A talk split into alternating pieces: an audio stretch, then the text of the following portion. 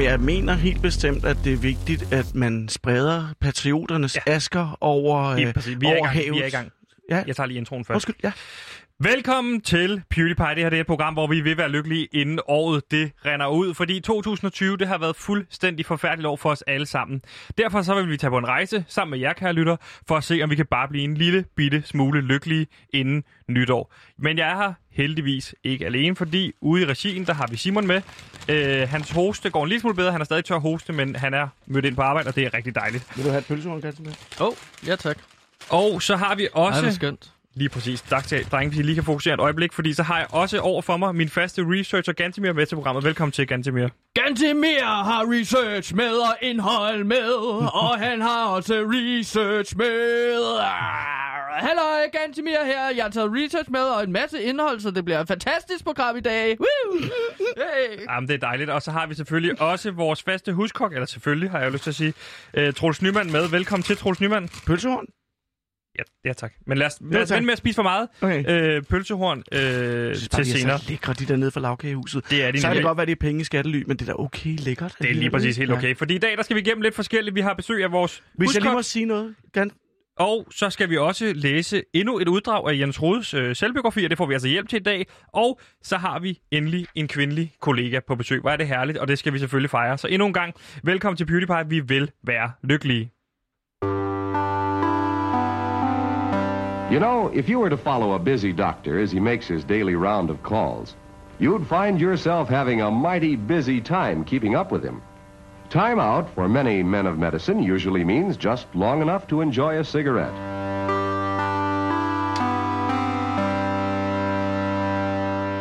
Og grunden til, at vi altså har Hvis jeg lige må inviteret... sige noget, Ja. ja. Sebastian. Det er bare lige ganske kort. Jeg ved, I snakker rigtig meget om lykke herinde, og jeg var jo inde og snakke om... Det er jo præmissen for programmet. Og øh, hvis jeg lige må kort sige noget. Jeg hedder Troels Nyman. Jeg er kok. Jeg har det, der hedder kartoffelkælderen her på Christianshavn. Jeg er også filantrop. Jeg er meget rig. Og så er jeg også lidt af en filosof.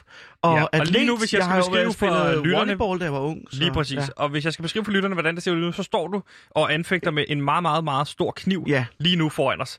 Kan du forklare det, Ja. øh, så vi bliver en lille smule mere Sagtens. trygge? Det er ikke noget Jeg problem. kan se, at Gantemir bevæger sig en lille smule væk Ja. fra dig. Bare rolig, ganske mere. Ganske mere. Bare helt rolig. Men du ved jo, hvad du laver, når du Ja, håndterer jeg, Jo, en men kniv. jeg er jeg bare ikke vant til, at vores gæster de kommer ind med store knive, når vi sender live i radio. Denne her er Nej, det er faktisk 40, kun anden gang, det sker. Ja. 40 til 50 cm lang. Ja. Så det er næsten et, et svær, vil jeg sige. Ja. Men det, der er i det, det er jo selvfølgelig, at lykke er også at give. Okay. Altså glæden ved at give. Og øh, derfor, hvis jeg skal gøre mig selv lykkelig i løbet af en dag, så giver jeg altid noget. Enten til en ven, eller en kollega, eller en, ja, en, Så du har en selv- familiemedlem, måske er det, en søn. Jeg, er det et mantra, du har, at du ved hver dag Mm. give en ting ud, eller hvordan? Det er blandt andet det, og så også, at psykopater, de kan gøre det. Mm. Altså, der er mange psykopater, der bare gør ting, Mm. ikke? Ja, det har du altid sagt. Ja. Ja. Øh, men en ting, jeg lige vil sige her, det er, at det her, denne her, det her øh, stykke knivværk øh, er meget, meget, meget, meget, meget dyrt stål. Ja. Det vil jeg gerne give til dig, Kantemir, som en gave. Åh, oh, wow, flot, og øh, du Gantemir. kan jo prøve at kigge Okay. på den en gang, om der er noget, der står så ud. Dit navn, det står, bl- jeg har fået det graveret ind her. Der står Ja. blandt andet Gantemir. Okay. Og så er der en dato, Ja, det kan jeg se. 31. oktober 2020 og 30. april 2021. Så du... Altså Okay. 30. oktober, det er jo meget tæt på. 31. oktober. Altså 31. oktober, ja. Det er en meget stor kniv. Kæmpe stor kniv. Det Det- Må du jeg skal nok- dig, du skal må jeg nok- spørge dig, må Ja. jeg spørge dig, hvorfor det er der en flot gave, vil jeg bare lige sige først og fremmest. Det er en Ja. meget flot gave, Troels. Det er jeg meget glad for. Mm. Må jeg spørge, Øhm. noget, må jeg spørge noget nu? Ja, Min ven. selvfølgelig. Tak skal du have. Hvorfor er der indgraveret to datoer på? Er det, er det datoen, hvor han skal aflevere tilbage, eller den periode, han skal bruge den? Eller... Mm. Det ved jeg ikke. Det, det er bare nogle datoer, jeg synes, der er vigtige. Og den 31. oktober, det er jo Halloween. Det vidste jeg ikke. Men hvor, hvorfor har du valgt de to datoer? Og hvad er den anden dato, der står på, Gantemir? Jamen, det er 30. april. Mm. Mm. Og det er jo 16 dage efter, at jeg har fødselsdag. Jeg har Nå. fødselsdag den 14. april. Jamen, ja, okay. Men Ja. der er ikke som sådan Øhm. nogen årsag til de datoer på. Det er bare nogle datoer. Og så det står er- der dit fulde navn, kan jeg også se, Gantemir. Ja, Gantemir Ertugar Skov, Ja. som du også har indgraveret her. Mm. Det er meget flot. Det var så Men- lidt. Og det er vigtigt for dig, det her med at give. Ja, det er altså, øh, nu har du at givet noget. Hvad giver det dig Jamen, at give? jamen for eksempel, jeg vil sige livet. Altså for eksempel, når jeg som kok giver folk mad. Ja. Det er ligesom at give mennesker livet. Altså, hvad er det, du, hvordan lever du? Hvad har du brug for for at leve? Vand og drikke og drikke og, så mad spise, og så ikke? videre. Ja, det er en af de ting. Det er en af grundene til at blive kok i sin tid. Det var faktisk det her med, at det, det gav mig noget at give til andre mennesker. Det var, det var virkelig vigtigt for mig.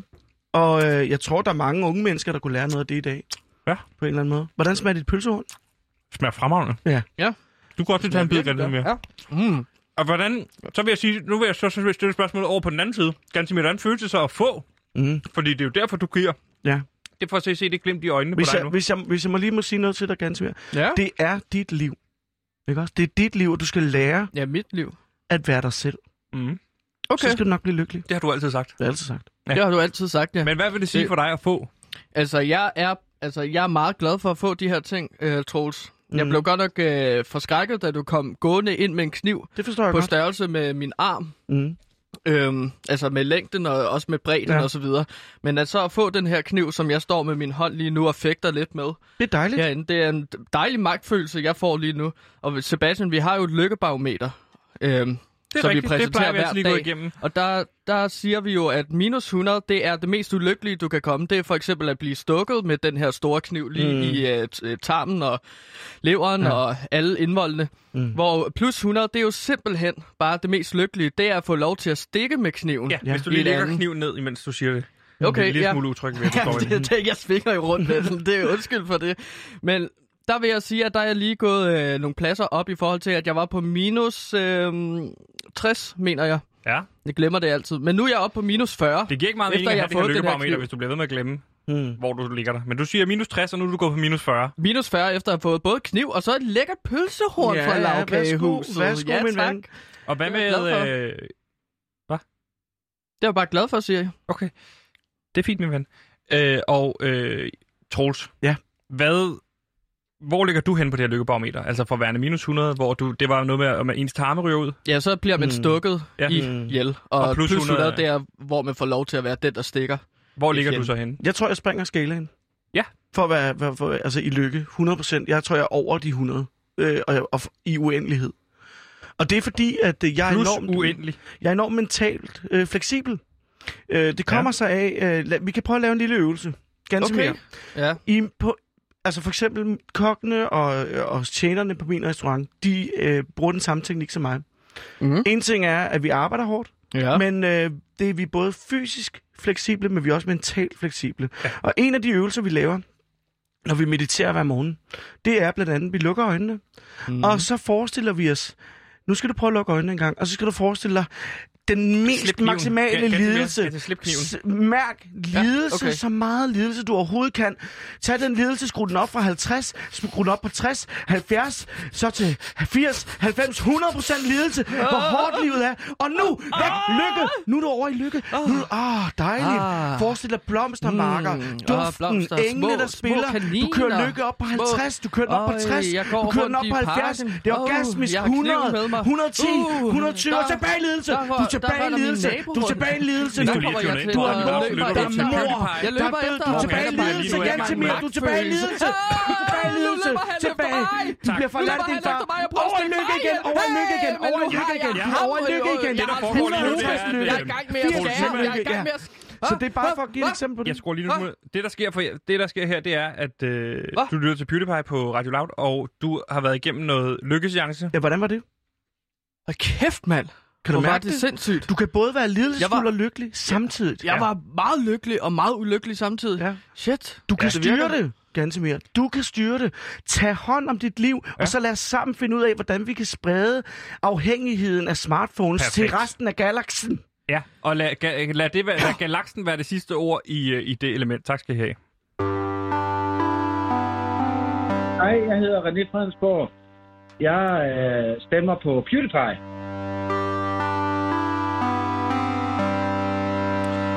Ja, du lytter altså til PewDiePie på Radio Loud.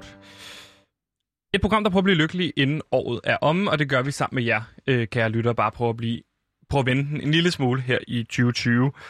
Og grunden til, at vi har inviteret vores faste huskok, Troels Nyman, ind, Ja, tak. det er jo fordi, at du også først og fremmest, kan man sige, er restaurantejer. Det er jeg. Øh, kan du ikke lige kort beskrive, hvad dit forhold er i restaurantbranchen, eller hvordan det ligesom... Jo, Hvordan hænger det altså, jeg gik jo ind i branchen for netop at give andre mennesker livet. Ja. Øh, jeg valgte at øh, gå ned og hjem med min første restaurant, Kong Gullerud. Ja. Derefter åbnede jeg så kartoffelkælderen. Jeg beskæftiger mig meget med, hvad kan man sige, etisk, etiske retningslinjer inden for mad. Ja. Jeg synes, det er vigtigt, at man bruger økologisk mad, og at man først og fremmest vælger grønt. Altså, Altså øh, grønne, grøntsager og så farven grøn eller grønne Nej, grøntsager. Altså, du ved, øh, øh, vegetarisk mad. Ja. Ikke så meget kød. Nej. Det er vigtigt for mig, og derfor valgte jeg kartoflen. Det er, hvad kan man sige, den mest livgivende øh, amerikanske appropriation, vi har af grøntsager her i, i Europa. Øh, vi ved alle sammen, hvad der skete i Irland i 1800-tallet, da det ikke gik med kartofler. Uh, Ja, ja. var og, og, og, og, og det, det er jeg helt med på. I, Så man skal i forhold til kende det sin Irland. historie også. Men hvis det. lytterne ikke helt har fået sat sig ind i det der med Irland og 1800-tallet, hvad var det så, der foregik der? Jamen, det var jo kartoffelpesten. Lige altså, der, præcis. de kunne ikke få deres Og der kartofler til at... og- Nej, nej, de døde sult, fordi de Præcis. kunne ikke... Ja, der var ikke nok kartofler. Ja. Ja, så flygtede de jo til USA Blandt andet. Blandt ja. andet. for at dyrke deres kartofler der. Og Derovre. også, men også måske for stille Og lave pomfritter. Ja, Også det, men det er mest i Belgien. Men de fik jo stille trangen Ah. for at kunne dyrke deres religion også. Altså katolicismen, som jo var illeset i forhold til den engelske kirke, men det er der ikke så mange, der Præcis. snakker om. det også Katolisme rigtig noget meget- med kartofler at gøre. Ikke som bare sådan. ikke Okay. som sådan. Nej, det er meget løst Det synes jeg bare, jeg har læst om, Ja. nemlig. Det må være At det, øh, læst. Det er katolikker fordi- elsker kartofler. Det er måske mere russisk ortodoxe. Ja. Altså Putin okay. For eksempel med vodka og så videre. Og hvis vi er færdige med at, hvad kan man sige, anskue bagud, så kan vi også kigge en lille smule fremad, fordi Ja. vi har jo inviteret dig indenfor, fordi at restaurantbranchen den bløder, Det gør og det kan have store, store konsekvenser for restaurantbranchen, det her Mm. corona. Mm. Der er kommet lige en historie ud om øh, ham her, Frank Lands. Idiot. Øh, okay, kan du lige kort forklare den her øh, Frank Lands historie, hvad er det, den går ud på? Det er et elendigt koncept, hvor øh, han har prøvet at bygge en eller anden restaurantvirksomhed. Han har startet hvor den her man app, prøver- Taste Please, ja, ikke? Taste Please, hvor man inviterer os, eller hvor man kan købe en middag i private hjem. Altså man simpelthen kommer ud og får en restaurantoplevelse. For eksempel, du bor øh, stuen til venstre et eller andet sted på Nørrebro sikkert. Så kommer man op til dig, og så oplever man det at, at få en, en restaurantoplevelse. Øh, elendig idé, elendig koncept, elendig udført. Og jeg vil sige, det der sker med branchen er en karmisk boomerang. oh, jeg synes, du har lidt tør hoste, øh, Sebastian. Nej, det var det der pølserund. Men kan vi ikke Ah, lige, okay. hvis vi holder os til sagen her, Ja. så er det jo noget med, at han har undladt at, at betale løn til sin ansat, Ja. øh, som, som personen så vil få i en skatterefusion, han havde forventet sig. Det kom selvfølgelig ikke hjem, og nu Mm. har han så opfordret sit ansat til at øh, begære konkurs, så han kan få sine penge mod Ja. lønmodtagernes garantifond. Ja. Og det er jo en af de her tricks, som, som restaurantbranchen bruger, Mm. og som er, er jo, har et dårligt ry, kan man sige. Mm. Hvad er dit forhold til restaurantbranchen og de her, det her ry, de har for at udnytte sine ansatte? Jeg bryder mig ikke om det, det er meget, jeg vil sige, størstedelen af det her, det er sådan noget arme og benagtigt. Det virker nærmest som om, at den kok, han har ansat, er sin egen entreprise, eller hvad kan man sige, vedkommende har sit eget firma i hans firma, på en eller anden måde agerer en fri agent, da han ikke har ret til at få løn, og at han nærmest under påskud beder sin, altså under påskud af, at han ikke selv har fået en skatterefusion, så beder sin medarbejder, eller ham han rent faktisk skulle have givet løn, om selv at overtage problemet Ja. og skaffe sig sin egen løn. Hvilket er noget værre forbandet svineri. Øh, du har i dag et længere Facebook-opslag Ja. øh, langet ud efter mange af dine kollegaer, Meget. som vi har. Du skriver blandt andet, hvis ikke restaurantejerne kan skabe sikkerhed for sine ansatte, mm. så er de velkomne hos mig. Præcis. Det skriver du så længere nede, så skriver du også, at du er omringet af hundehoveder, hængerøv, slapsvandse, skidesprætte, socialdemokrater, Ja. ignoranter, fæhoveder, lusede amatører. Mm. Hvad skal vi lægge i den Det her Olsenbande-reference? Ja, men øh, res, øh, referencen går ud på, at øh, det er ligesom om, det det, det socialdemokratiske Danmark. Det er som om, at vi er blevet en øh, generation, eller hvad kan man sige, et par generationer, der er vokset op uden at ville tage ansvar. Ansvar for os selv, men øh, også for hinanden. Det her med... Og hvad er det, du oplever, dine kollegaer gør? Jamen, det er jo, de pisser op og ned øh, af ryggen på det arbejdende folk. Øh, min restaurant er jo drevet som Coop. Vi, vi får alle sammen i hvert fald, altså jeg tror, den ligger på 49.545 kroner om måneden. Øh, både tjener og kokke, Mm. og inklusive mig selv også. Altså, det er, hvad de tjener Ja. hver måned. For opvasker også, Okay, for eksempel Ja, 49 det, alle De får får- det samme. Ja. Ja. De får det samme løn. Så det vil sige, Okay, at alle dine Så alle ansatte betaler betaler... topskat. Ja, okay. Ja. Øh, alle får pension, alle øh, får feriepenge, og alle har en overenskomstmæssig Men- men- øh, men- kontrakt, men- arbejdskontrakt. Okay. Ja. Er det økonomisk forsvarligt? Kan du godt få det til at køre rundt? Nej. Okay. Men, øh, men jeg, jeg, jeg har andre øh, passive indtægtskilder, som gør, at øh, jeg har mulighed for at betale den løn. Men der er jo andre steder, Troels, der også er i problemer. Blandt Mhm. andet den her restaurant 108, som er Nomas søsterrestaurant, som lukker her i slut Det september. be- og det begræder jeg. Øh, Volt har fået stor kritik i forhold til, at de aarhusianske restauranter har været ude og sige, at de skal droppe den her app, fordi der er ugunstige forhold. Mm. De er så været ude og nødt til at give penge tilbage til restauranterne, Mhm. ikke? Mhm. Øh, så du har nogle kraftige holdninger i forhold Det vil til jeg os. sige. Lad mig spørge dig en gang, Gantemir. Nu spørger jeg dig, Ja, fordi... Øh, okay. Spiser du takeout? Ja, jeg spiser masser af takeout. Bestiller du nogensinde fra Volt? Øhm, ja, det gør jeg. Synes du, at tit. har ret til at få en øh, ordentlig løn med en overenskomst, øh, mæssig løn, som øh, giver dig adgang til, os sige, pension eller feriepenge osv.? Synes du det? Noget, man skal gøre? Altså, jeg synes, at alle bør gøre det, men jeg har det også bare sådan, at jeg, jeg får sgu meget lidt i løn. Jeg, Mm. jeg får jo min løn igennem en... Øh, altså, jeg er ude og hente min løn i en, øh, Ja hos nej? en fyr, synes der du, hedder synes du, at man skal ude have... i Svendborg, Ja, som det- jeg skal ja. køre hen og be, øh, ligesom, Synes du, det er rart? Nu øh, spørger jeg. Er det rart? Er det rart for Hvad? Prøv dig? at svare på hans spørgsmål også. Er det rart for dig? Ja eller Slip nej? den kniv. Jamen, det, det giver mig bare meget magtfølelse. Jamen, det er nu. fedt. Det er også fedt. Øhm, nej, jeg synes ikke, at det er i orden. Godt. Sådan tror jeg, alle voldbud har det. Voldbud arbejder for 120 kroner middels i timen. Måske får de lidt mere, hvis de er i stand til at levere tre, øh, tre leverancer inden for en time. Det er, hvad det er. Derudover så er det i eget firma, de selv skal oprette. Og så øh, kan man, man kan nærmest tale om regulær løndumping. Ingen af dem er Men- under en men- eller anden overenskomstmæssig men- øh, for, øh, arbejdskontrakt. Men. Troels, nu, nu, er det vel, øh, nu gør vold det vel for at Så få det du, til at løbe lad os sige, du er en woke-person, og du, du lader som om, at du er sådan en, der, der, Ja, der, der, der Troels, tager dig af Troels, verden, eller, ja. eller hvis du bestiller Men- vold en gang, så underminerer du den danske model. Troels, Ja. nu og snakker du om, at du har en masse passiv... Nu siger du, at du har en masse passive indtjeningskilder. Det har vold Ja. måske ikke. Hvad, hvad er det nu for Volt er nogle passive indtjening? Okay, men hvad, hvad er det for nogle passive indtjeningskilder, som du snakker om her? Nu bliver det, det, bliver også en, det bliver også en anden snak.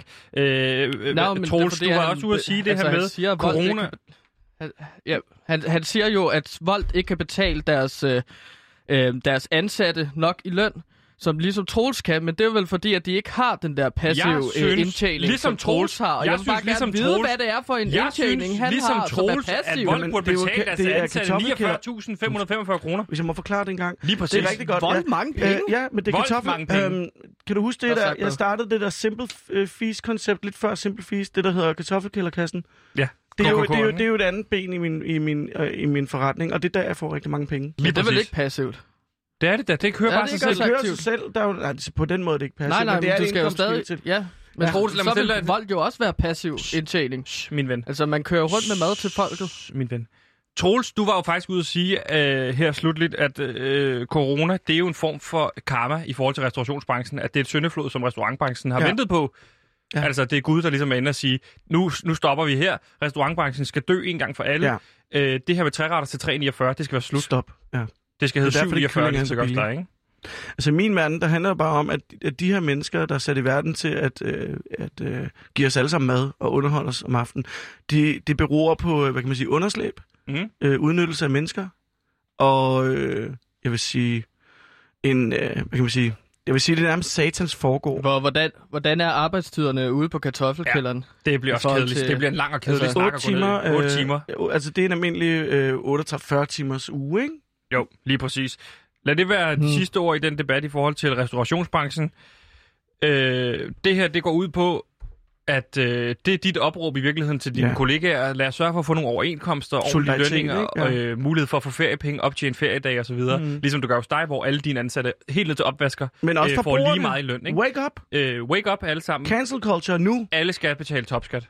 Ja, ja, det er en af delene i hvert fald, det synes jeg. Mit navn er Frans. Det her er radio.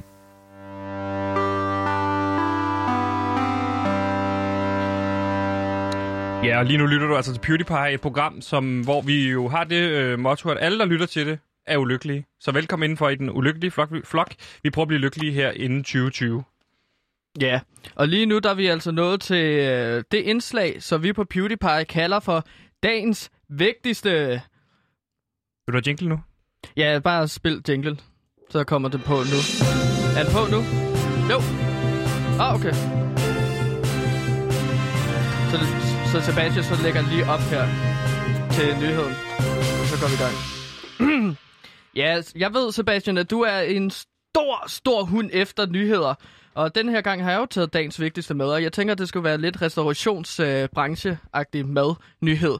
Fordi nu har vi jo Troels Nyman med i studiet, som er vores faste huskok. Mhm. Happiness is the freedom of choice. Går du i the gang med freedom nyheden? Går du, må jeg spørge om noget, min Ja, ja. Går du i gang med nyheden nu? Jeg går i gang med nyheden nu. Så lige sig, nu kommer nyheden. Så Skal- ved man det. Så tæller jeg ned fra nu. Nej, så, så spiller jeg jinglen, og så når jinglen er spillet, så går du i gang. Okay.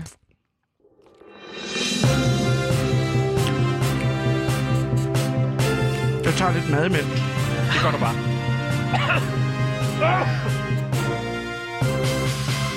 Nå. Happiness is the freedom... happiness is the freedom of choice, the freedom to choose where to live, what to do, what to buy, what to sell, from whom, to whom, when and how. Sådan siger den etiopiske økonom El- Eleni Gabra Martin. Men friheden til at vælge design på sit dankort har vi dog ikke. Det måtte Jesper Glendrup sande, da han ville have et billede af stegt flæsk med persillesovs på sit dankort. Men Glendrup fik et nej af Nets, der udsteder dankort, da billedet han havde valgt kunne virke anstødeligt for nogle kulturer i verden. Det har især fået partiet DF op i det røde felt, hvor næstformand Morten Messerschmidt og tidligere Radio 24 vært beskylder Nets for at lade deres monopoltilstand på, på at udstede kort stige dem til hovedet, udtaler han til BT. Kan jeg ikke få jer til at stoppe med at spise, mens jeg læser nyheden op? Kan man høre det? Ja, det er meget distraherende. For Det, man kan ikke selv høre det, når man Jeg kan spiser. overhovedet ikke høre noget. Nej, men altså, nu siger jeg det til jer, og, og beder jer om lige at stoppe med at spise. Hvor langt er du Mens jeg-? Fordi jeg har simpelthen ikke Jeg hørt har starten, overhovedet fordi ikke jeg hørt spiste. efter, vi har hygget os så meget med det Vi prøver lige igen. Er du seriøs nu?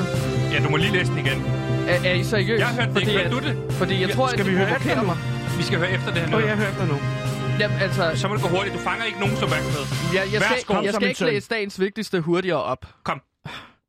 Happiness is the freedom of choice. The freedom to choose where to live, what to do, what to buy, what to sell, from whom to whom, and when and how. Sådan siger den etiopiske økonom Eleni Gabra Martin, men friheden til at vælge design på sit dankort har vi dog ikke. Det måtte Jesper da han ville have stegt Det er stegt ikke så- flæsk. ikke så Og hurtigt. Hvorfor afbryder I igen? Det er bare for hurtigt, så vi kan Jamen ikke høre altså, det. jeg, jeg er i gang med at læse dagens vigtigste op, og jeg har forberedt den her nyhed, og så kommer, hvorfor... Hvem er det, der starter? Simon, er det dig? Det er producer Simon, der sidder og starter den dagens vigtigste jingle op igen. Hvorfor, kan, hvorfor må jeg ikke læse det indslag op, som jeg har forberedt? Bare sig kort, hvad det handler om. Der er ingen grund til at hisse op. Det er bare et meget langt indslag. Er det et, langt, er det et oplæg til, at vi skal sige noget, eller jeg nej, forstår det ikke? jeg skal bare læse den, nyheden der er op, en og mand, så der kan ikke vi... må få trykt øh, Troels. stegt flæsk øh, på sit øh, dankort. Er det bare det? Det Ja. kan man sige meget kort. Det, var, det har Troels nu sagt. Jamen, jeg havde Den bare en lille sjov ting her til sidst, jo. Så det. sig da det, men de fleste har jo læst nyheden, så er ingen grund til at læse den op. Nej, de fleste har ikke læst nyheden. du Hvordan har, ved har du du det? læst den? Jeg vidste det godt. Jeg vil have også godt læse Ja. den. Det er ja, det der med at stikke flæsk på... I dækker ikke alle vores to lytter. Det kan være, at der er nogen, der sidder derude og som Nej, jeg ikke ved, jeg at... ved, øh, Klaas han skrev til mig tidligere i dag, han har læst den. Så, Kom. kom med det sidste. Ja, nu her. siger er jeg det, det du lige det det sidste. sidste? Men Glenrup vil nu forsøge at få et billede af et vinersnitzel på sit dankort. da det er en anden ret, han godt kan lide. Og, det vil vi, og den rejse vil vi på PewDiePie være spændt i at høre mere fra. Så Okay. ringer I til ham nu, eller hvad? Det ved jeg Hvad? ikke, det er Gansimirs indslag, det her. Nej, det var bare en nyhed, sådan, jeg man skulle læse op, op, og så så? tænkte jeg, at vi skulle snakke om den her spændende nyhed. Øhm, fordi at Troels, som ekspert på mad, Mm. hvad synes du om, at man ikke må have stegt flæsk med persillesovs på sit dankort? Jeg vil sige, som jeg altid har sagt, først så kommer ildprøven, Ja, det har du og sagt til. derefter kommer heksejagten. Ja, det har du altid sagt. Så det er jo bare et spørgsmål om det. Nu er vi, nu er vi Okay. på vejen. Jeg synes, jeg synes også, at vi bruger alt for meget tid på den her historie. Det er jo en ligegyldig historie. Altså, den mand, der Nej, ikke kan få stikflæsk på, på sit, nyhed, det- på sit dankort. Nej, men det er, jo, det er jo en diskussion omkring det der med at være selv, have, selv have frihed til at vælge, hvad Ja, man vil have på det- sit dankort, det, overfor at, at ligesom at der er nogen, der ligesom siger til dig, du må ikke øh, selv stå med de konsekvenser, som det vil indebære at have et stødende billede på sit dankort. Jeg tror, der er Og det- flere, der taber søvn over tanken om, hvorvidt Gud eksisterer eller ikke eksisterer. Ja, men Det vi er vil der have med et snak om Gud hver dag, Troels. Nu kommer den jingle på igen. det betyder, at vi er det dig, Sebastian, eller er det, Simon? Det betyder Producer bare... Simon. Ja. Ikke mere af det. Videre til næste element. Prøv at høre, jeg synes bare, at enten så skal man lave, sige noget lort, eller så skal man i hvert fald sige et eller andet, der er brugbart. Og indtil videre, der skal du, min søn, sige noget, der er brugbart, og ikke så meget lort. Advertising is based on one thing happiness. And you know what happiness is? Happiness is the smell of a new car. Ja, du har lige nu ramt Radio Loud af en eller anden grund, og der kan vi altså sige til dig, lytter, at vi er PewDiePie, og vi forsøger at blive lykkelige inden året er omme, og der skal du altså være med på vores rejse. Vi er nu nået til det indslag. Hov, det skal jeg sige. Nu Okay. er det blevet tid til et indslag, jeg holder rigtig meget af. Det er blevet tid til det indslag, der hedder Problemknuseren.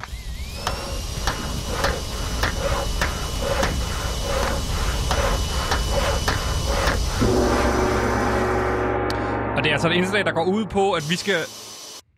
Jeg glemmer altid den. Ja, der kommer er lige så en skrue. Hvorfor? Det er dig, der har ansvaret for jinglen. Du må lige få det... Øh, Ja. øh, Det kan du lige få fikset med Det er jeg ked ikke? af, Sebastian. Det, Det skal, jeg det skal du ikke tænke på, det skal du ikke tænke på. Fordi problemknuseren, det går ud på, at vi finder et problem, der er blandt de unge mennesker. Mm. Så har vi en skål herinde med populære fænomener. Mm. Så trækker vi en løsning, eller et populært fænomen, som så skal blive til en løsning, som vi mm. sammen skal finde ud af i fællesskab. Problemet med unge mennesker i dag er, at de har en holdning til alting. Ja, men det nu trækker vi lige et problem. Ja. Og Jeg jeg Det være, sige- at det er ikke det problem, vi skal løse. At Nej, trusler kan Troels. faktisk godt blive brugbare, når du bliver ældre. lige præcis, okay. det har du nemlig altid ja, det sagt. har du altid sagt, ja. Men vil du ikke trække et problem? Jo, jeg trækker et problem her. Og jeg læser op nu. Ikke nok unge spiser på restaurant. Restauranter må gå konkurs på stribe. Coronavirusen har sat sin onde og modbydelige aftryk på samfundet, men en branche, der i særdeleshed er hårdt ramt, er restaurationsbranchen. Flere restauranter og restaurantkæder er gået konkurs og har måttet dreje nøglen om på grund af manglende indtægter. I et konjunkturbarometer fra Danmarks Statistik svarer flere restauranter, at de frygter for, at de må lukke deres virksomheder senere mm. i år. I et forsøg på at redde flere restauranter bliver vi nødt til at spise noget mere i dem. Hvordan kan vi få de unge til at spise mere på restaurant? Og unge spiser mm, et- altså et del på restaurant. Men hvis vi gerne vil redde nogle restauranter, nogle flere Så skal restauranter, vi spise endnu mere. så skal vi have lokket Troels Nyman, unge. vil du ikke have æren af at trække et populært fænomen blandt de unge, som uh, Gantimir han har valgt ud? Men jeg synes jo ikke, det er et problem, at der er restauranter, der har lukket. Lad os nu lige øh, købe ind på Okay. præmissen, så vi kan få lavet noget her. Hvad står der som en fænomen der? Skullfucking. Okay. Så vi står er- Hvad altså... betyder det? Ja, det er dig, der har skrevet det ned, Gantimir. Det er et Ja. populært fænomen blandt de unge, du lige må forklare. Altså, jeg har, research- kort. Ja, jeg har researchet mig frem til, hvad der er populært hos de unge, og der fandt jeg ud af, at skullfucking er meget populært. Det er, når du bare øh, ja, knipper er en et kranie. kranie. Ja. Altså, det er jo ulækkert. Det er nærmest Altså, altså, nekrofili. altså, det forstår jeg ikke. Du stikker, du stikker, du stikker din øh, pæk ind i munden, og så bare helt, hele vejen igennem. Hvis må, Altså sådan, på et kranie det. eller på et, et levende menneske? Jeg, har, jeg ved ikke, hvad det er. Altså, det kan være begge dele. Altså, det handler bare om... Hvad, handler, hvad er skullfucking? er det He-Man? Det er dig, der har skrevet ned på en seddel, Og hvad Skeletor. skullfucking Ja. er. Jamen, det er knippe kranie, mand. Kn- kn- knip en kranie, mand. Knip en kraniemand. Nå, okay. Vi skal løse problemet, altså... Øh, nu får jeg at vide i ørerne fra producer Simon, det handler altså om øh, skullfucking, det er at have sex med nogen i deres mund. Et levende menneske. Det har altså intet med kranier at gøre. Det, Eller Ah, skelet. ah, oral sex. Men det ja. er det også men det er, jo, det, er, menneske. det, er, det er åbenbart dig, der har skrevet det ned på en side, men Ja, du har ja. ikke undersøgt, hvad det går ud på. Godt nok. Hvad er Nej, det altså, første, det man skal- hvad er det første, man skal gøre, øh, når man skal have, øh, give, have altså, skullfucke? Det ved Det er jeg simpelthen det er en ikke. test. Nu Det vil jeg tage tøjet af. Nej, Altså, du, du knipper hende i munden. nej, det gør man ikke bare. Du knipper ikke bare nogen i munden. Der er lige en ting, der er vigtigt, man gør lige inden. Tag bukserne af. Nej. Ja, du skuffer mig også lige nu, Sebastian. Altså, leder Samtykke. du efter... Der var den. Ah. Samtykke. Men og det ganske skal mere. ske igennem Det er et ja og nydelsestegn og så videre. Det er Lige vigtigt. præcis. Men lad os gå ud fra, at de, de, de er til stede. Hvordan løser vi så problemet med, at restaurationsbranchen skal have flere unge ud på restaurant med skuldfucking? Man kunne jo tilbyde, at de kunne få et blowjob på restaurant. Efter middagen. Er det noget, I vil være villige til på kartoffelkælderen at gå ind i? Jeg ved ikke, om jeg vil være villig til at gå ind i det, fordi det kunne jo lugte lidt af prostitution. Enig. Men Altså- altså, ja. Men altså, Men så jeg, jeg man forestiller måske- mig jo lidt, at man stiller en lang kø op, og så kan man- de... Det kunne være, at dine ansatte, de får jo så meget i løn, så kan du bare sige, okay, øh, hvis folk har lyst til ligesom at blive skuldfucket, som unge rigtig godt kan lide, at altså ligesom skuldfucke andre mennesker, så stiller de sig bare op i en kø, og så en efter en. Jeg, så får de- så får de blowjob. Jeg tror, at det, man skal ud i, det er, at øh, hvis det er selve skuldfuckingen, der er et populært fænomen, som Ej. du forklarer, øh, Gantemir, så må det Ja. jo være noget med, for eksempel din kartoffelsuppe. Den elsker jeg, for eksempel Mm. kartoffelborgsuppe. Så får du den... så får du så den Stoppet ind i munden. Stoppet ind i munden med en ske, ikke? Men det Altså, er jo der ikke kommer rart. Det er det, Gantemir siger, at de, at de unge elsker Ja, det. de unge elsker Jeg tror ikke, at du får flere mennesker i restauranten ved at jage kartoffelsuppe i ind i munden på dem. Det tror jeg ikke. Hvad med en porre? Altså Nej. bare ja. Nej. det. En gulderød. Jeg tror, vi skal tænke omvendt så. Hvad tænker du så? Jeg tænker, at de skal have lov til på en eller anden måde at skuldfuck noget, når de er på restauranten. Det, det er der, den er. Det er det, der er lokkemiddel. Så noget foie gras-agtigt? Ja, eller stik deres... Ja, måske... Altså, Altså, være med ud og lave foie gras i virkeligheden. Ja, mås- det er vel i virkeligheden skuldfucking foie gras, ikke? ja, jo, det er jo, hvor man stikker en trakt ned i, i Kæften halsen på på, en- en, på en and, eller Ja. en, eller en gås, eller hvad der er, og så propper man majskorn og så videre op, Ja. således at dens lever vokser til, til Så dobbeltstørrelse. det er anden, der bliver skuldfucket der. Ja, Så hvis Ja, det, så det, kan man det se er en video med det måske, men det er jo heller ikke så lækkert. Jeg Nej. tror, afskaf foie gras på restauranter. Det er jo en form for skuldfucking. Afskaf det på en eller anden måde. Og du vil se flere folk med et etisk øh, syn på verden og et etisk syn på det at være menneske komme ud øh, af hullerne og spise på restauranter. Det tror jeg er løsningen. Serverer Mm. du egentlig, øh, det er en rigtig god Ah. løsning, serverer du selv foie gras lige til sidst Nej. her på Nej, kartoffelkanalen? nej, nej. Det gør jeg ikke. Jeg elsker det. Jeg synes, det smager fantastisk, ja. Ja. men øh, jeg serverer det ikke. Så altså løsningen på at få flere unge ud øh, på restauranter bliver i dag, at Vise film. film med, fo- altså, hvor der foregår øh, Fodring af fodring af ja. som værende skoldfucking, og så ligesom sætte kryds over til sidst og sige, det her, det er vi imod, Vi siger fra. men vi ved, det er populært. Ja. Hmm. Den, det er ikke lige, lige hver gang, man rammer den lige i røven.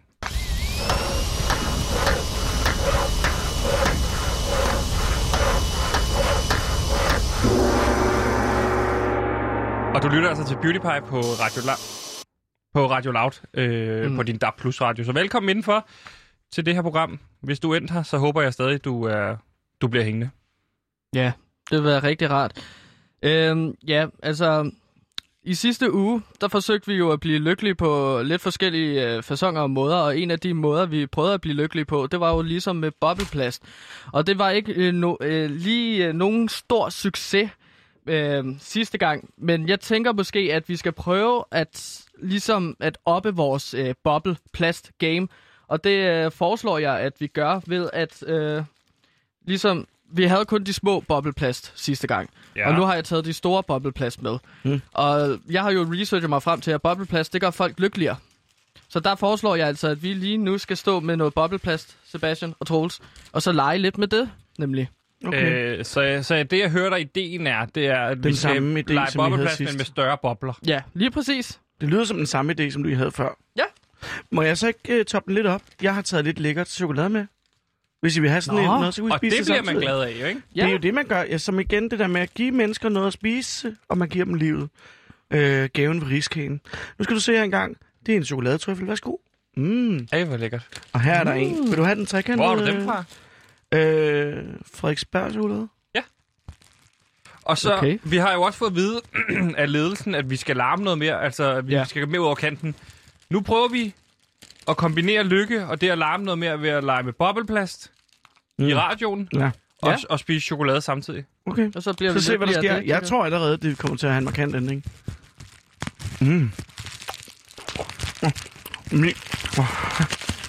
Mm. Og den giver lidt mere, den der du har. Ja, det larmer. Det Mm. larmer de, de store bobler her. Jeg har sådan en... Øh, altså, Mm. for jer lytter, så sidder jeg... Man kender jo den klassiske med de små bobler, som Sebastian sidder med. Der kan man få virkelig mange mm. poppet på én Prøv, gang. at høre, prøv, prøv lige at høre Ja. efter, og så hvor du stille. Bare et sekund. Mm. Er du stille nu? Mm. Tak, min ven. Mm. Kunne det noget? Mm. Ja, Prøv at det spise chokolade samtidig. Så prøv at pop, pop nogle af dine, mens du spiser chokolade. Ja, for de her, de er meget, meget større. De her bobleplast. Prøv, Bob. Mm. Hold. De larmer meget.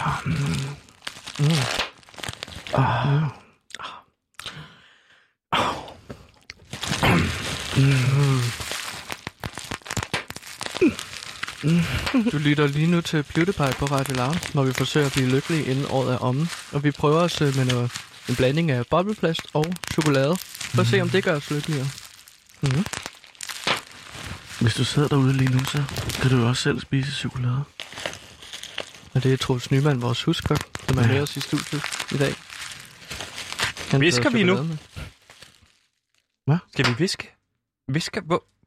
Jeg ved slet ikke. Jeg ikke. Jeg blev bare grebet, grebet af stemningen. grebet, okay? skal jeg til at er det sige. okay? Er det okay, hvis jeg tager min skjorte af? Det gør du bare. Så bare der så varmt derinde. Ja. Vil du prøve? Nej, det er fint. Og nu tager Troels Nyman simpelthen sin øh, skjorte af.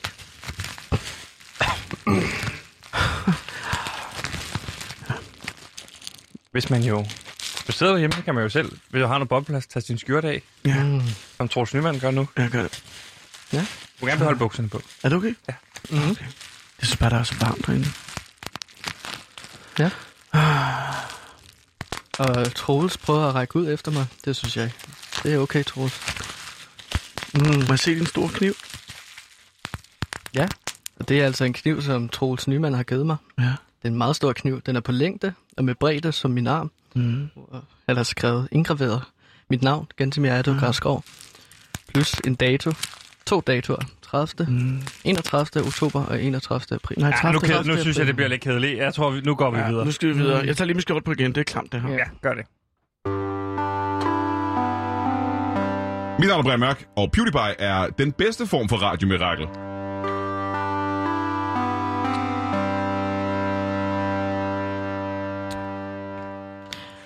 Lytter lige nu til PewDiePie på Radio Loud, hvor vi forsøger at blive lykkelige inden året er omme, og den rejse, kære lytter, den synes jeg, I skal med på. Nu vil jeg give, øh, give den videre til Sebastian. Det var- Sebastian. Fantastisk øh, over, overgang til mig. Tusind tak. Mm. Fordi øh, lige nu er Lars Lykkes erindringsbog jo på alles læber derude, men der er en selvbiografi, vi er endnu mere interesseret i, fordi vi har nemlig her på PewDiePie fået fingre i øh, Jens Rodes selvbiografi, Roden til alt ondt, mit liv i Viborgs hårde gademiljø, hvor han altså beskriver sin opvækst i Viborg. Og det kommer på bagkant af øh, det her Facebook-opslag, han skrev, hvor han øh, jo øh, påstod, kan man sige, at han havde en hård barndom fyldt med bank, baseball, bat, sex, rocker og afbrænding af diskoteker. Og nu synes jeg, at vi skal læse et lille bitte udsnit fra andet kapitel. Må jeg se det der? Vil du læse den op? Må, må, ja, må jeg det? Her er bogen. Okay. Og Tak. det er der, hvor jeg har sat et øh, markat. Ja, Ja, deroppe ved krydset? Ja. Yes. Og det er altså udsnittet er her fra andet kapitel, som har titlen En mærkværdig morgen. Mm. Jens Rode! Kan du, komme, kan du komme op? Skolebussen kører snart. Det bankede hårdt på døren. Min tante May havde altid været god til at vække mig, hvis jeg sov bare en smule for længe. Den morgen havde jeg dog sovet igennem mit vækkeur, Mays banken og min onkel Bens trampen rundt ned i stuen. Jeg både svedte og frøs på samme tid. Jeg kravlede tilbage under dynen. Jeg troede, jeg var ved at blive syg. Hvordan havde jeg måttet fået det sådan? Jeg havde boet hos min onkel og tante lige siden jeg var fire år gammel. Lige siden mine forældre afleverede mig inden på en forretningsrejse og derefter styrte ned med deres fly. De havde altid taget sig godt af mig. De hjalp mig med mine lektier, gav mig mad, gav mig støtte og sørgede for, at jeg kom ud af sengen og i skole. Jeg fik kæmpet mig ud af sengen og hen foran mit spejl. Et chok ramte mig, da jeg fik øje på min egen nøgne krop. Min tynde og skravlede krop var nu ikke længere at se, men i stedet kunne jeg se en sixpack, brede skuldre og store biceps. Jeg sagde til mig selv, den er god nok, i hans hoved. Nu er du for alvor ved at blive syg. Jeg tænkte, at jeg måtte se syner og greb ud efter mine briller på egetræsgængen ved siden af spejlet. Men da jeg tog brillerne på, blev alting sløret og blev først klart igen, da jeg tog brillerne af. Jeg havde ikke brug for briller mere. Hvad kunne der være sket? Dagen forinden havde jeg været på skoleudflugt med Viborg Katedralskole. Turen gik til Oskorp Genetiklaboratorium, hvor vi skulle få en rundvisning og forhåbentlig lære lidt for en gang skyld, som min lærer Mr. Harrington så fint udtrykte. det. Det var meningen, at jeg skulle tage billeder fra skolebladet. Jeg skulle dokumentere de mange udstillinger og eksperimenter. Jeg fik taget et billede af et par æderkopper, men mine tanker var på noget helt andet. Eller rettere sagt, på en helt anden. Marianne. Begavet. Smuk. Rødhåret og altid smilende. En af de få piger på skolen, som sagde hej, rent faktisk så på mig, og ikke bare igennem mig. Må jeg ikke tage et billede af dig? spurgte jeg. Hun så på mig med forvirring. Ja, altså til skolebladet, fik jeg snøvlende uddybet. Et smil kom frem blandt forvirringen. Selvfølgelig må det det, Jens. Men det ser altså ud til, at der mangler en æderkop inde i buret. Uden at ende den sidste bemærkning begyndte jeg at tage billederne. Fingeren ville ikke stoppe. Måske et par stykker mere end nødvendigt, men det var min chance for at beskue og beundre Marianne uforstyrret. Pludselig mærker jeg et prik i nakken. Jeg slår mig selv og ser i min hånd en lille æderkop med en usædvanlig blå og rødfarvet bagkrop. Tilbage på værelset ser jeg nu på min nakke. Området omkring bidet er blevet til et blåt mærke, som havde vokset sig større natten over. Jeg rækker i vildelse ud efter min telefon. Jeg må ringe til nogen. I det jeg strækker min hånd ud, flyver der en stærk, hvid masse ud af mit håndled. Og væltede en potteplante, som falder til jorden og smadrer i tusind stykker. For skrækket gik jeg hen og inspicerede den mystiske substans. Hvad kunne det dog være? Det undrede mig meget. Jeg mistænkte endnu en gang mine øjne for at bedrage mig. Det kunne jo ikke passe. Det lignede jo mest af alt æderkoppespind. Ja, så wow. det var altså et udsnit fra øh, andet øh, kapitel. En mærkværdig morgen, Ja. ja. oplæst af Troels Nyman. Det er sjovt, fordi Det er det godt var om... vildt. Hva? Altså i det sidste kapitel, vi læste, der var, der var hans forældre jo fra Sicilien. Mm. Ja. Men Vi- det er godt nok vildt mange af de ting, han oplever, jeg troede. Jens Rude, han... Det, det vil være virkelig god film, tænker jeg. Hans Ja, liv. man kunne filmatisere mange kapitel. Ja. ja. Det kunne man. Mm. Mr. Hitchcock, what is your definition of happiness? A clear horizon. Nothing to worry about on your plate.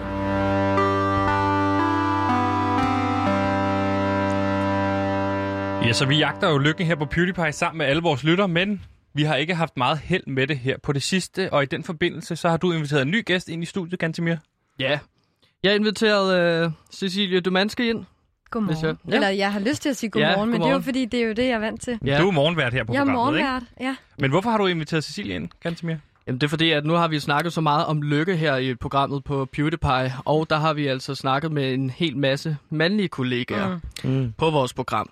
Og øh, det har, det synes jeg ligesom, at det er et skam, fordi vi har også mange dygtige kvindelige kollegaer, som Åh, vi kan tak. få ind Ja, vi til kan jo at snakke fremhæve, om lykke. Ja, og vi kan jo fremhæve de mandlige råd, vi har fået indtil videre i forhold til at blive lykkelig. Der har vi fra Mathias Damborg hørt, at vi skal bygge en hoppeborg. Ja. Oh. Øh, Frederik Vestergaard sagde, at man skulle lave mad til en, man holder af. Mm. Øh, men altså, jeg er ikke vildt god til at lave mad. Og så har vi fået at vide af Mathias Stilling, at vi skal gå til koncerter, men koncerterne de er blevet lukket ned. Mm. Så det er ikke rigtig nogen råd, vi har kunne bruge til noget, eller sådan for alvor rykke os. Nej. Øh, og så havde du inviteret Cecilie ind. Ja. Øhm, fordi at det kunne være rart at få nogle råd til, altså nogle råd, som vi kan bruge her i programmet, ikke? Så er det til- rart for mig at få nogle børnebørn en dag. Ja, og det er, okay, og det er Troels Nyman, der er vores huskok i programmet. Ja, øhm, for jer lytter, der ligesom... Og hvorfor er det, du siger børnebørn for det første? Fordi jeg Det er betragter dig som, min søn, og nu kan jeg mærke, at du har inviteret Cecilia ind, og det synes jeg er flot, og det er modigt, og det kræver nogle godt, det er godt sig. det, ja. Okay. Og lad os, lad os, Troels, shh. det er lidt det er pinligt for ham, ubehageligt. når du står og siger sådan nogle ting. Ja. Cecilie, Mm. du er jo vært på feedet. Det Nu tager jeg lige over her, fordi at, øh, så er der styr på det. Du er vært på feedet, og hvad Mhm. er feedet for et program, og hvornår kan man høre det? Jamen, det er et aktualitetsprogram, så vi øh, vender ligesom det, der er aktuelt, og nyheder og alt altså spændende, der er på, øh, på nyhedstapetet. Og man kan høre det fra 7 til 10 hver ja. morgen, fra mandag til fredag. Og hvordan går det over hos jer? Fordi vi har jo sat en præmis for os for at blive lykkelige, fordi mm. at vi har indset, at vi er decideret ulykkelige. Og det er ikke kun på grund af Radio Loud. Det er også fordi, at 2020 har været et hårdt år. Ja. Men det primære årsag, hvis vi kigger indad, er jo fordi, det går forfærdeligt på Radio Loud. Ja. I hvert fald for os. Mm-hmm. Mm. Øh, Ja. Men så vi vil gerne høre, hvordan går det hos jer, eller hvordan takler I modgangen her på Radio Loud? Altså, jeg synes egentlig, det går skide godt. Ja. Altså, vi kunne godt bruge lidt flere lyttere og folk, der ringede ind og sådan nogle ting, men altså, indholdsmæssigt, der kører det bare derudad. Og på, vi har jo sådan en lykkebarometer, hvor vi, vi har folk, hvor vi, vi sætter os fra minus 100 til plus 100. Og okay. Troels Nyman kan jeg sige, du er plus uendelig, har du sagt i dag. Fuldstændig. Wow. Det går rigtig godt. Ja. Øh, hvor ligger du? Jeg var minus 40, og det var efter, jeg tog imod øh, en gave fra Troels Nyman, der er den her rigtig ja, skal- store kniv, Ja, læg den. øhm, hvor han har skrevet mit navn i, Ja. eller på. Gantimir det. Ertugrad Skov. Indgraveret, ja. Det, tak. Wow. Ja, og meget stor. Jeg er meget glad for det. Læg kniven ned igen. Rigtig bange. godt. Og du sagde, du havde en idé i forhold til det her med øh, Lykke og Cecilie. Ja, Cecilie, Mm. mm. jeg kender dig jo ikke særlig Nej, godt. nej. Øhm, men Sådan. jeg har taget, øh, jeg har faktisk taget nogle gaver med. Nå, Og det er ej. nogle gaver, jeg har taget med, øh, som jeg tænkte, at du ligner en, som virkelig godt kunne bruge sådan en gave her. Bare for at gøre dig Okay. lidt lykkeligere. Og Ja. så kunne vi måske snakke om de gaver der. Men ligner jeg jeg en, der ikke er så lykkelig, eller hvad, siden jeg har brug for det? Øhm, Det er et godt spørgsmål. det er et godt spørgsmål. Det skal du ikke sige, så skal du svare på hendes spørgsmål. Nå, Nå, det var ikke et spørgsmål til dig, Sebastian. Som jeg forstår det, Altså, Cecilie. Det var til Ganymir. Du Ja. ser lidt ulykkelig ud. Åh, oh, okay. Du kunne også Det var bare give en gave for at være flink. Det Ja. siger jeg bare Ja. som en, en, en Det synes far, jeg er en måske. underlig måde at øh, tage imod vores gæster på. Vil du ikke øh, tage de ting frem, som du Jo. påstår øh, kan gøre Cecilie lykkelig? og så lad os øh, se, om det virker. Uh, den ser stor ud, den pose. Ja, der er mange ting. Stor pose, stor kniv. Wow. Sådan. Det er, første, du tager op af posen, er en, en flaske børnechampagne. Det er børnechampagne, ja. Og det tænkte jeg, at det vil du øh, øh, kunne trænge til, Mm. Cecilie. Øhm, det er jo alkoholfrit, Ej, tak. men det er Nå, stadig ja. med den samme sjove fornemmelse, man får af champagne. og, hvorfor samme har du, sjov og smag. hvorfor har du taget børnechampagne med til øh, Cecilie? Fordi jeg synes, at Cecilie ligner en, øh, som er øh, altså, under 18, og derfor ikke må drikke på arbejdspladsen. Er det ikke rigtigt, Cecilie, du er jeg ved- under 18? Det er jo bare sådan noget, jeg har fået at vide så mange gange, at jeg ligner en, der er så ung. Men det ved vi jo, du ikke er. Ja, Ja, det ved jeg, det- du ikke er. Du jamen, det er jeg ikke. langt over Nå. 18, og desuden så må man jo heller ikke drikke her på arbejdspladsen. Nå, Det må man ikke.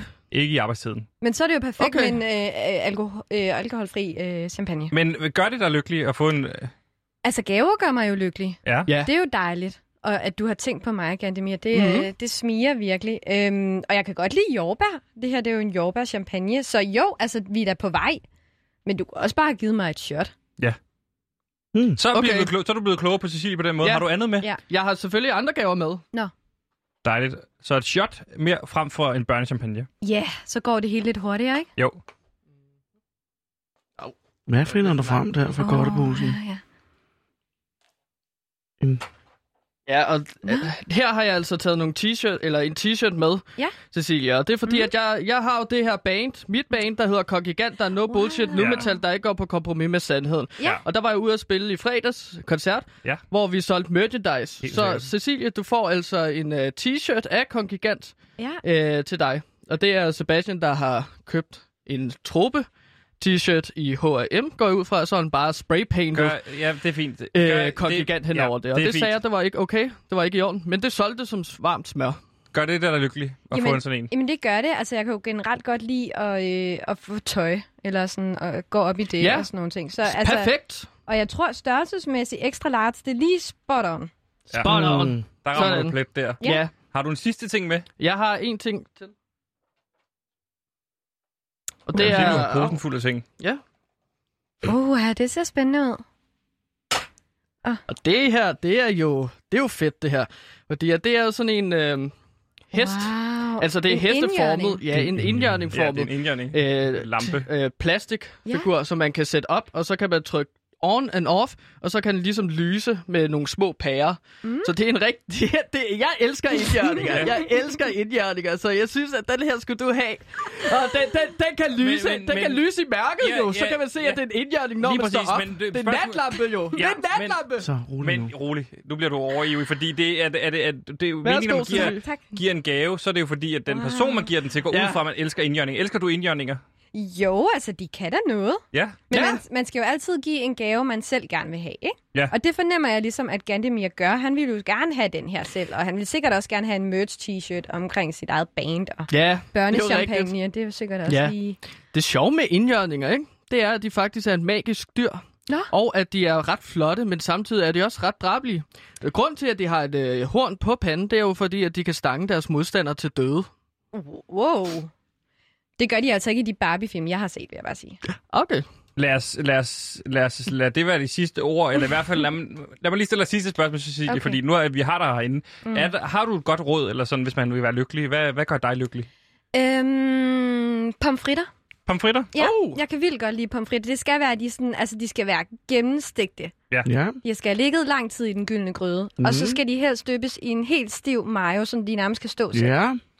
Og Troels, han er jo restaurantejer på den restaurant, der hedder Kartoffelkælderen. Hvor de serverer pomfritter. Apropos. Cecilie, du er meget velkommen øh, en Ja, af de næste kommende aftener, hvis du har lyst til at komme forbi i weekenden måske. Ja, ja. Så skal jeg eddermame lave nogle gode pomfritter til dig. Øh, ganske med, det kan være, du skal med. Øh, ja. Sådan. Okay, så kan I øhm. komme med derned, I to sammen. Og det er sørge for at få noget lad, med. lad det være de sidste ord. Okay. Øh, Cecilie, tusind tak, fordi du kom forbi. Og øh, så vil vi opfordre alle til at høre Fitte i morgen klokken Syv til 10. til 10. Lige præcis. Tusind tak, fordi du kom forbi. Skønt. Tusind tak. Du lytter til PewDiePie. Mit navn er Victor Lander. og Det her program, det gav mig lysten til livet.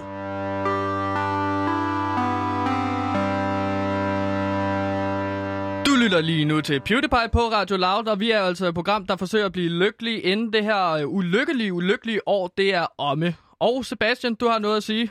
Ja, fordi Danmark spiller nu på lørdag Nations League-kamp mod, lø- mod netop Belgien. Og hvad tror du, den kamp bliver, Gantemir, nu når jeg har dig? Jamen, jeg tror, at den kamp, det bliver øh, Gantimir liggende på en sofa med popcornskål og en lille cola. Ja, men resultatet, det er jo det, jeg spørger dig om. Øhm, 2-0 til Belgien. Okay.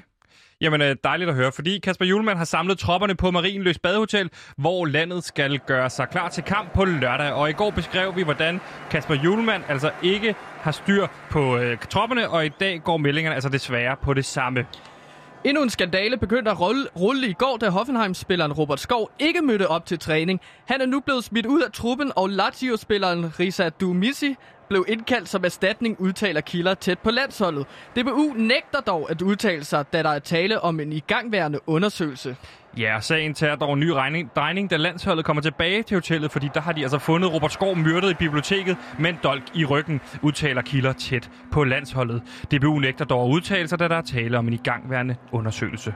Da landsholdet er de eneste, der opholder sig på hotellet, skal den skyldige altså findes i blandt dem.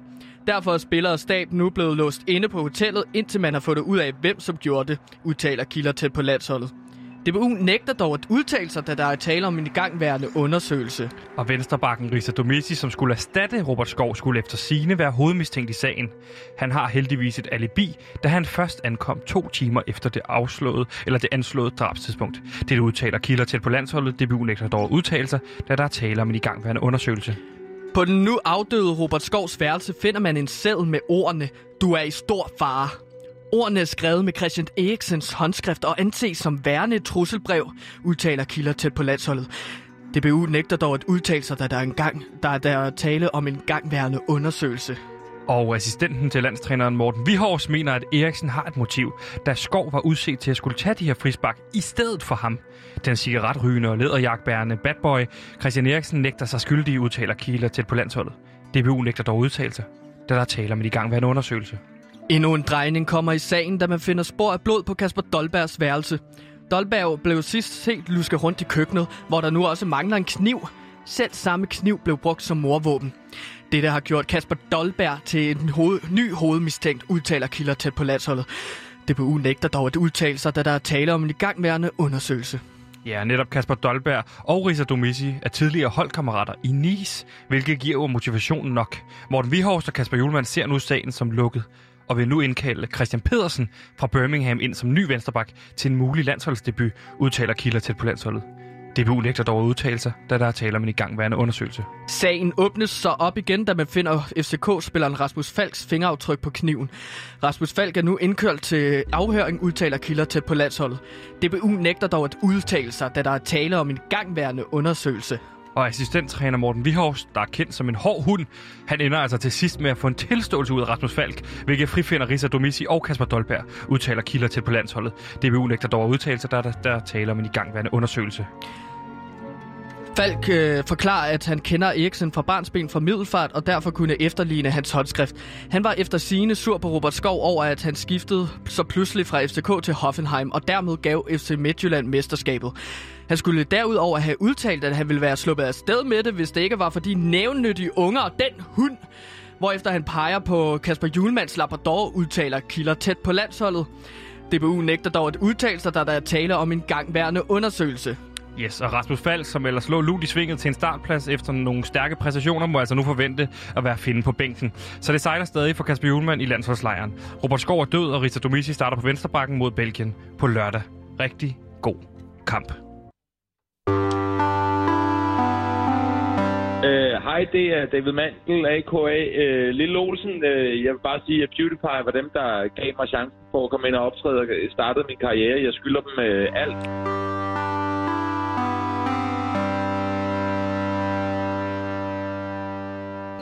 Det der med fodbold, det siger mig ikke en skid.